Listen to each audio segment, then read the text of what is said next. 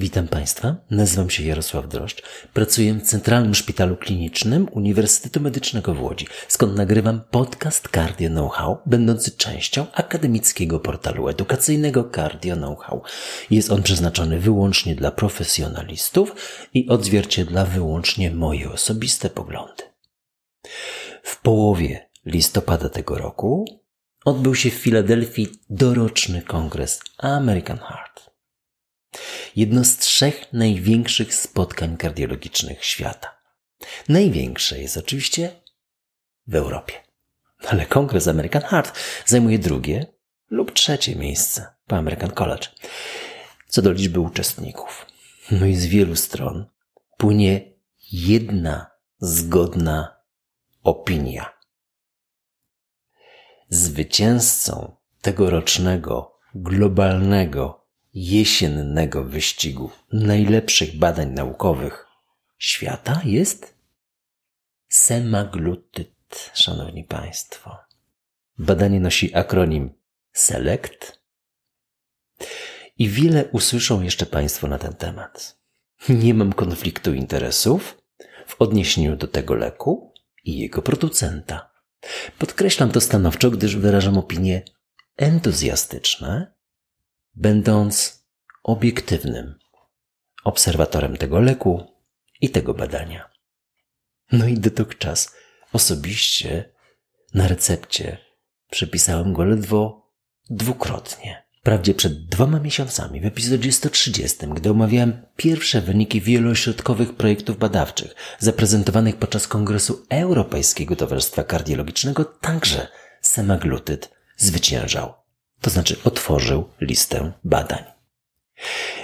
Od wyników badania STEP HFPF rozpoczynała się wówczas niemal każda relacja z kongresu. Wspominałem wówczas, że jestem wprawdzie zachwycony samą cząsteczką samaglutydu i grupą GLP-1. Czuję konieczność walki z epidemią otyłości no i mam wielki szacunek do Michaiła Koziboroda, którego znam osobiście. I samo badanie przeprowadzone było wzorowo, step HFPF. To jednak nie uznałem tego za początek triumfalnego pochodu agonistów GLP-1 w świecie kardiologii. W moim świecie kardiologii. Agonistów GLP-1, którego semaglutyd jest przedstawicielem. Myliłem się Wówczas brakowało mi badania stawiającego kropkę nad i. I teraz semaglutyd za sprawą wyników badania SELECT do tego świata kardiologii, nie tylko mojej, w pełni zasłużenie wkracza. I to z prawdziwym impetem. No jeszcze jedno. Dokładnie w ten sam dzień, kiedy, jak zwykle, nie wiem czy Państwo to wiecie, o 6 rano w piątek ukazał się epizod 130, 8 września bieżącego roku byłem zaproszony do Rzeszowa na konferencję diabetologiczną. Jak to na konferencji diabetologicznej spotkałem tam wybitnych kardiologów. Jeden z nich zaskoczył mnie informacją, że odsłuchał ten aktualny epizod, który ukazał się tego właśnie poranka. Chyba jeszcze było ciemno, czym niesłychanie mnie zafrapował. Potwierdził, że tak, że mam rację. Step HFPF nie daje jeszcze pola do zmiany nastawienia wobec agonistów GLP-1 w odniesieniu do niewydolności serca i w ogóle kardiologii. Ale niebawem, powiedział, już za dwa miesiące zmienię zdanie. Próbowałem się czegoś dowiedzieć więcej, no ale jako, że temat był objęty tajemnicą, a mój kolega jest szczelny, niczego się więcej nie dowiedziałem. Nabrałem wtedy wody w usta i o żadnym agoniście GLP-1 nie wspomniałem ani słowa. Jako, że transkrypt jest tydzień w tydzień, możecie to z Państwo sprawdzić. Ostatni raz wymawiam słowo GLP-1 i semaglutyd w dniu 8 września rano. A następny raz kiedy? Dopiero dziś, 1 grudnia. Minęły dwa miesiące. No i rzeczywiście zdanie zmieniam, o czym za moment. A spotkaliśmy się w ostatni weekend także. I uśmiech zobaczyłem na jego twarzy. Lekko zarysowany wyraz triumfu, radości raczej. Wyraźnie w ariergadzie współczesnego kardiologicznego świata nauki kroczy ten mój kolega, a i mnie czasem nieco więcej wiedzy skapnie, jakoż ten kolega, jak widać, mnie lubi i oświecił. A skoro mnie lubi, to może jeszcze kiedyś w przyszłości jeszcze raz mnie oświeci. A skoro i słucha, no i telefon do mnie ma, to może rzeczywiście kiedyś go użyję, żeby skomentować, skrytykować bądź wyjaśnić. A ja już wiem, tak jak wiedziałem wcześniej, że z zasady ludzi się powinno słuchać, a niektórym nawet i wierzyć należy. Temu koledze zdecydowanie należy wierzyć. Dziękuję. To dla niego przeznaczone słowo. Niego jest z dużej litery, rzecz jasna. No wróćmy do American Heart, semaglutydu i badania SELECT. Czym jest semaglutyd? No to lek diabetologiczny, podawany podskórnie, jeden raz w tygodniu, analog ludzkiego glukagonopodobnego peptydu inkretynowego, zgodnego z oryginałem w 94%. Łączy się wybiórczo z receptorem GLP-1 i hamuje łaknienie, regulując, obniżając stężenie glukozy oraz trzustkowe wydzielanie insuliny, glukagonu. No i opóźnia także opróżnianie się żołądka. Jednak najbardziej spektakularnym działaniem semaglutidu, jak i pozostałych agonistów GLP-1 jest obniżenie masy ciała osób, które go przyjmują. Podkreślmy jeszcze jedną rzecz co dla nas, kardiologów, ważne, gdyż mamy w zwyczaju receptory zazwyczaj hamować. A to beta-adrenolitykiem albo inhibitorem, np. konwertazy, bądź antagonistą, np. aldosteronu. Semaglutyd należy do odmiennie działających substancji agonistów. Agonista receptor pobudza. Pobudza GLP-1, co jest podobne jak w zdrowym ustroju do tego, co się dzieje za sprawą glukagonopodobnego peptydu inkretynowego, naszego oryginalnego agonisty GLP-1. To dla nas kardiologów wiedza ważna, no i w zasadzie nowa. SELECT jest wieloośrodkowym projektem badawczym testującym działanie semaglutydu, agonisty GLP-1, leku na cukrzycę u pacjentów kardiologicznych z nadwagą, które cukrzycy nie mają. SELECT jest wieloośrodkowym projektem badawczym testującym działanie semaglutydu, agonisty GLP-1, leku na cukrzycę u pacjentów kardiologicznych z nadwagą, które cukrzycy nie mają. Na początek grupa badana. Aby zostać do niej włączonym, należało mieć co najmniej 45 lat. BMI co najmniej 27. No to na przykład ważących zazwyczaj 70 kg u kobiet, wzrost 160 i 80 kg u mężczyzn, wzrost 170. No i choć jedną chorobę z naszego podwórka. Przebyty co najmniej dwa miesiące wcześniej zawał, udar bądź chorobę naczyń obwodowych. Stabilną. Natomiast nie mógł mieć cukrzycy w żadnej postaci. Także hemoglobiny glikowanej wyższej od 6,5%.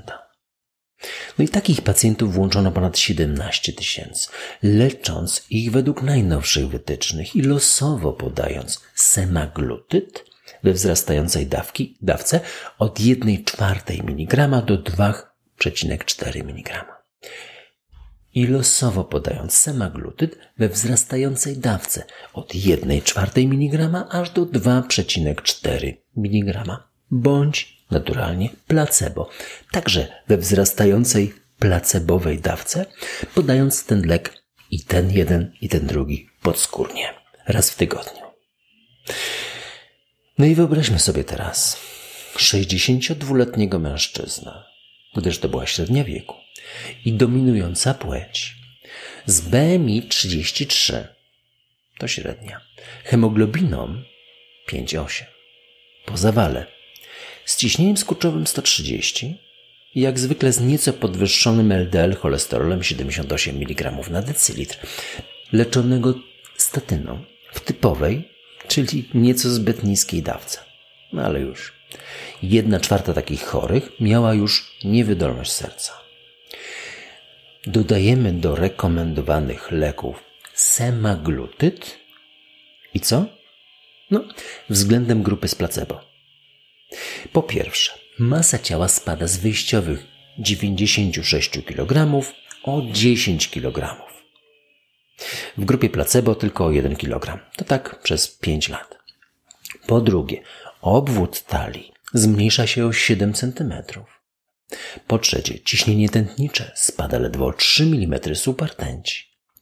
Po czwarte, hemoglobina glikowana obniża się ledwo o 0,3%. CRP spada aż o 40%. Po szóste, LDL obniża się ledwo o 2%, a trójglicerydy to po siódme spadają o procent 15. Na wszystko to niemal bez groźnych działań niepożądanych. Różnice są nieistotne statystycznie. Widać jedynie te związane z przewodem pokarmowym u 10% leczonych semaglutydem versus 2% w grupie placebo. Nietolerancja ze strony przewodu pokarmowego jest zatem jedynym, częstym, choć klinicznie błahym problemem. Należy jednak założyć, że co dziesiąty pacjent po prostu nie może być leczony agonistą GLP-1, co jest zgodne z mechanizmem działania wszystkich leków z tej grupy. No ale z wyników najważniejsze jest to, że spada liczba zawałów serca i udarów mózgu, łącznie z liczbą zgonów sercowo-naczyniowych o 20%. Krzywe, krzywe rozchodzą się wcześniej i konsekwentnie od siebie oddalają.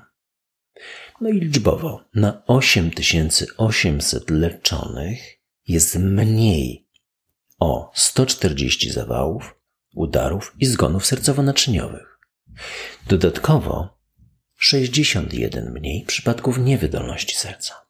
No a dodatkowo znaczna 22% redukcja powikłań nefrologicznych, co z pewnością będzie przedmiotem przyszłych analiz i przyszłego mojego podcastu. Sama liczba zgonów zależnych od schorzeń sercowo-naczyniowych spada dopiero po trzech latach i jest granicznie istotna, no ale jednocześnie istotna klinicznie, to 39 zgonów mniej. Natomiast gdy analizowano całkowitą liczbę zgonów, to uzyskano już świetny wynik. Już wysoce statystycznie istotny. 19% redukcja śmiertelności całkowitej. To aż o 83 zgony mniej. No większość z tego fenomenu pojawia się po trzech latach od włączenia leku, ale krzywe śmiertelności całkowicie tak wizualnie rozchodzą się już bardzo wcześnie, przed szóstym miesiącem terapii. Mhm. No i przypominajcie sobie Państwo moje podsumowania innych wyników badań, na przykład badania Clear Outcomes Trial. Kwas bempediowy nie obniżył liczby zgonów, a Steven Nissen podsumował, że dziś już tak dobrze leczymy, że nie powinniśmy oczekiwać obniżenia liczby zgonów. To nieprawda. Możemy dziś, innowacyjnie lecząc, obniżać liczbę zgonów. Nie dam się zmanipulować nawet tak wybitnym postaciom jak Steven Nissen. To epizod 109. No nie mówiąc już o Evolokumabie, którego przewidywałem zmierzch w maju bieżącego roku w epizodzie 118 właśnie za sprawą analizy rosnącej liczby zgonów.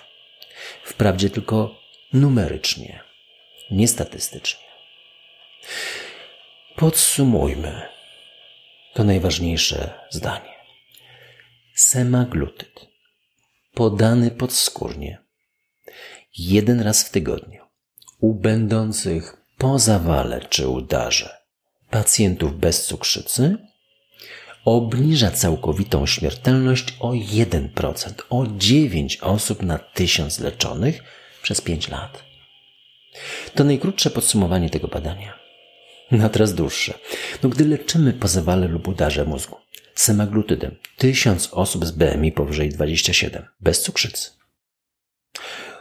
Uratujemy życie 9 osób, uchronimy przed zawałem 10, przed udarem 2, którymkolwiek z tych powikłań 15, a dodatkowo przed hospitalizacją z powodu niewydolności serca 3, przed rewaskularyzacją 15, a przed przekroczeniem progu HB1C 6,5 aż 85. A gdy tę granicę HB1C ustalimy na 5,7, no gdy wyjściowo jest niżej, to mamy uchronionych z tego tysiąca prawie 300 osób. To prawdziwy wyraz skuteczności semaglutydów prewencji wtórnej. Oj, trzeba na nowo pisać wytyczne, podręczniki, uaktualniać wykłady i podcasty. Wszystkie dane wskazują na to, że poza efektem zmniejszenia masy ciała i konsekwencji tego faktu mamy do czynienia z wpływem na inne elementy patogenezy, tak, że obniżenie zdarzeń sercowo-naczyniowych stanowi niezależny efekt. To pierwsze w świecie randomizowane badanie ilustrujące ten nowy fenomen. I mogę Państwu w tym miejscu powiedzieć, że agoniści GLP-1 stanowią drugą obok flozyn grupę leków, które przechodzą z armamentarium diabetologicznego do armamentarium kardiologicznego. No a w zasadzie stają się armamentarium nowoczesnego lekarza każdej specjalności, nie tylko nefrologa, ale także specjalisty medycyny rodzinnej, każdego światłego lekarza. Na przykład masa ciała istotnie spada i osiąga swoje maksimum po 65 tygodniach leczenia. Natomiast krzywe przeżycia rozchodzą się znacznie wcześniej, co jednoznacznie wskazuje na dodatkowy niż obniżenie masy ciała mechanizm działania semaglutydu. Zapomniałbym. Polska brała udział w badaniu SELECT? Naturalnie, Jesteśmy przecież jednym z najnowocześniejszych krajów świata. Pod względem kardiologii, diabetologii, medycyny i wielośrodkowych projektów badawczych. Mieliśmy ponad 20 znakomitych reprezentantów w Polsce i zajęliśmy z prawie 700 pacjentami drugie miejsce w świecie co do liczby chorych. No a kto miał największą liczbę włączonych pacjentów? Doktor Wojciech Czochra z Zamościa. Gratuluję. I piękny rower. Spojrzałem na profil. A kto przewodniczył grupie polskich badaczy? No jak to kto? No znakomity i uznany pan profesor Grzegorz Gajos z Krakowa. Jeden z wiceredaktorów kardiologii polskiej. No a ja mam niebywałe szczęście, że spotykam się z Grzegorzem co kilka tygodni i czerpię wiedzę z tych rozmów niesłychanie. A gdy schodzimy z tematyki medycyna, to jest dopiero przyjemność. Profesor Grzegorz Gajos z Krakowa. Jak tylko skończę omawianie postępów współczesnej światowej kardiologii, ujawnionego przed dwoma tygodniami podczas kongresu American Heart, nagram ponownie epizod, czy kardiolog może walczyć z epidemią otyłości. No, co myślamy w kwietniu 2021 roku, możecie się Państwo dowiedzieć z jednego z pierwszych epizodów, numer 12. Epizod 12. 10 zasad nowoczesnej walki z otyłością. Aktualizacja jest tu niezbędna i pewnie ukaże się za kilka tygodni.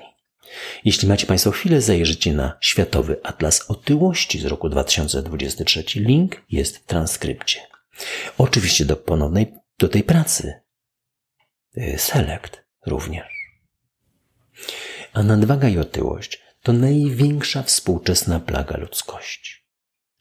We wstępie do prezentacji wyników badania Select autor, profesor Michael Linkoff z Cleveland Clinic, przypomniał fakt, że połowa ludzkości, ledwo za dekadę, będzie miała nadwagę bądź otyłość.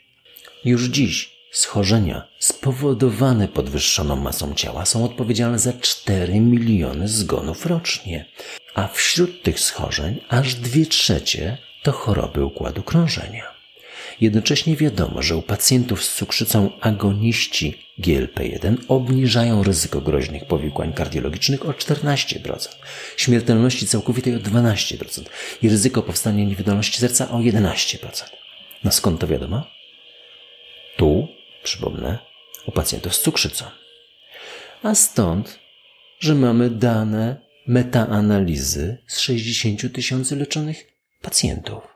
Link do artykułu w Lancecie jest w transkrypcie. No a gdy dodamy do tego 21% redukcję powikłań nerkowych, a gdy dodamy do tego poprawę parametrów diabetologicznych oraz obniżenie masy ciała, hmm. Inny mój kolega, już z diabetologicznego świata, w ten ostatni weekend uświadomił mi jeszcze jedną zaletę. Agoniści GLP-1 w zasadzie nie mają górnej granicy dawki. Albo jej jeszcze nie odkryto. Wskazując na wielośrodkowe projekty badawcze, w których testowano nie 2,4 mg, wprawdzie podskórnie, jak w badaniu STEP, HFPF czy SELECT, lecz 25 mg, a nawet 50 mg, podając ten lek doustnie. Odsyłam Państwa do publikacji dwóch w The Lancet. Pionier Plus i Oasis 1. Warto mieć przyjaciół i wybitnych nauczycieli zarazem. Dowiedziałem się tego jedząc piątkowy poranny podwójny omlecik w doborowym towarzystwie. No wracamy do lektur po krótkiej przerwie. Miło mi otrzymywać od Państwa sygnały, że ta część cardio know-how, rekomendacje współczesnej literatury spotyka się z ciepłym odbiorem. Czasem nawet bardzo ciepłym. Czytanie powieści to absolutnie niezbędne uzupełnienie naszej ogólnej edukacji, ale też najwyższej miary przyjemność, jakiej nie daje żaden inny aspekt kontaktu z kulturą, tak przynajmniej z Unię. Zagłębiam się całkowicie w inny świat, zapominając o tym, który nadal mnie otacza. Ale nierzadko czytanie pozwala także nieco bardziej zrozumieć właśnie ten otaczający mnie świat. No i do tej właśnie grupy przynależy dzisiejsza lektura. Imć pana Sienkiewicza z diariusza fragmenta. Należy do lektur obowiązkowych. Bartłomiej Sienkiewicz opublikował właśnie w wydawnictwie Biblioteka Kulturalna Biblioteka Kultury Liberalnej ten przewodnik po współczesnym świecie. Jesteście Państwo zaskoczeni tym, co się wokół nas dzieje? Będziecie. A jakże? I po tej lekturze także. Ale nieco rozjaśni się Wam, jak i mnie się rozjaśniło. Dlaczego ludzie dokonują takich, a nie innych wyborów w codziennym życiu? A nawiązanie do historii ostatnich stuleci będzie także wielce pouczające. No kilka stronic dziennie wystarczy, żeby rozgonić nieco opary, które nazywamy codziennością, zrozumieć tej codzienności mechanizmy. Całość nie jest zbytnio optymistyczna. No ale czy być powinna? Nieco mniej złudzeń co do ludzkiej natury, nieco więcej dystansu do zewnętrznego dyskursu. To efekt tej lektury.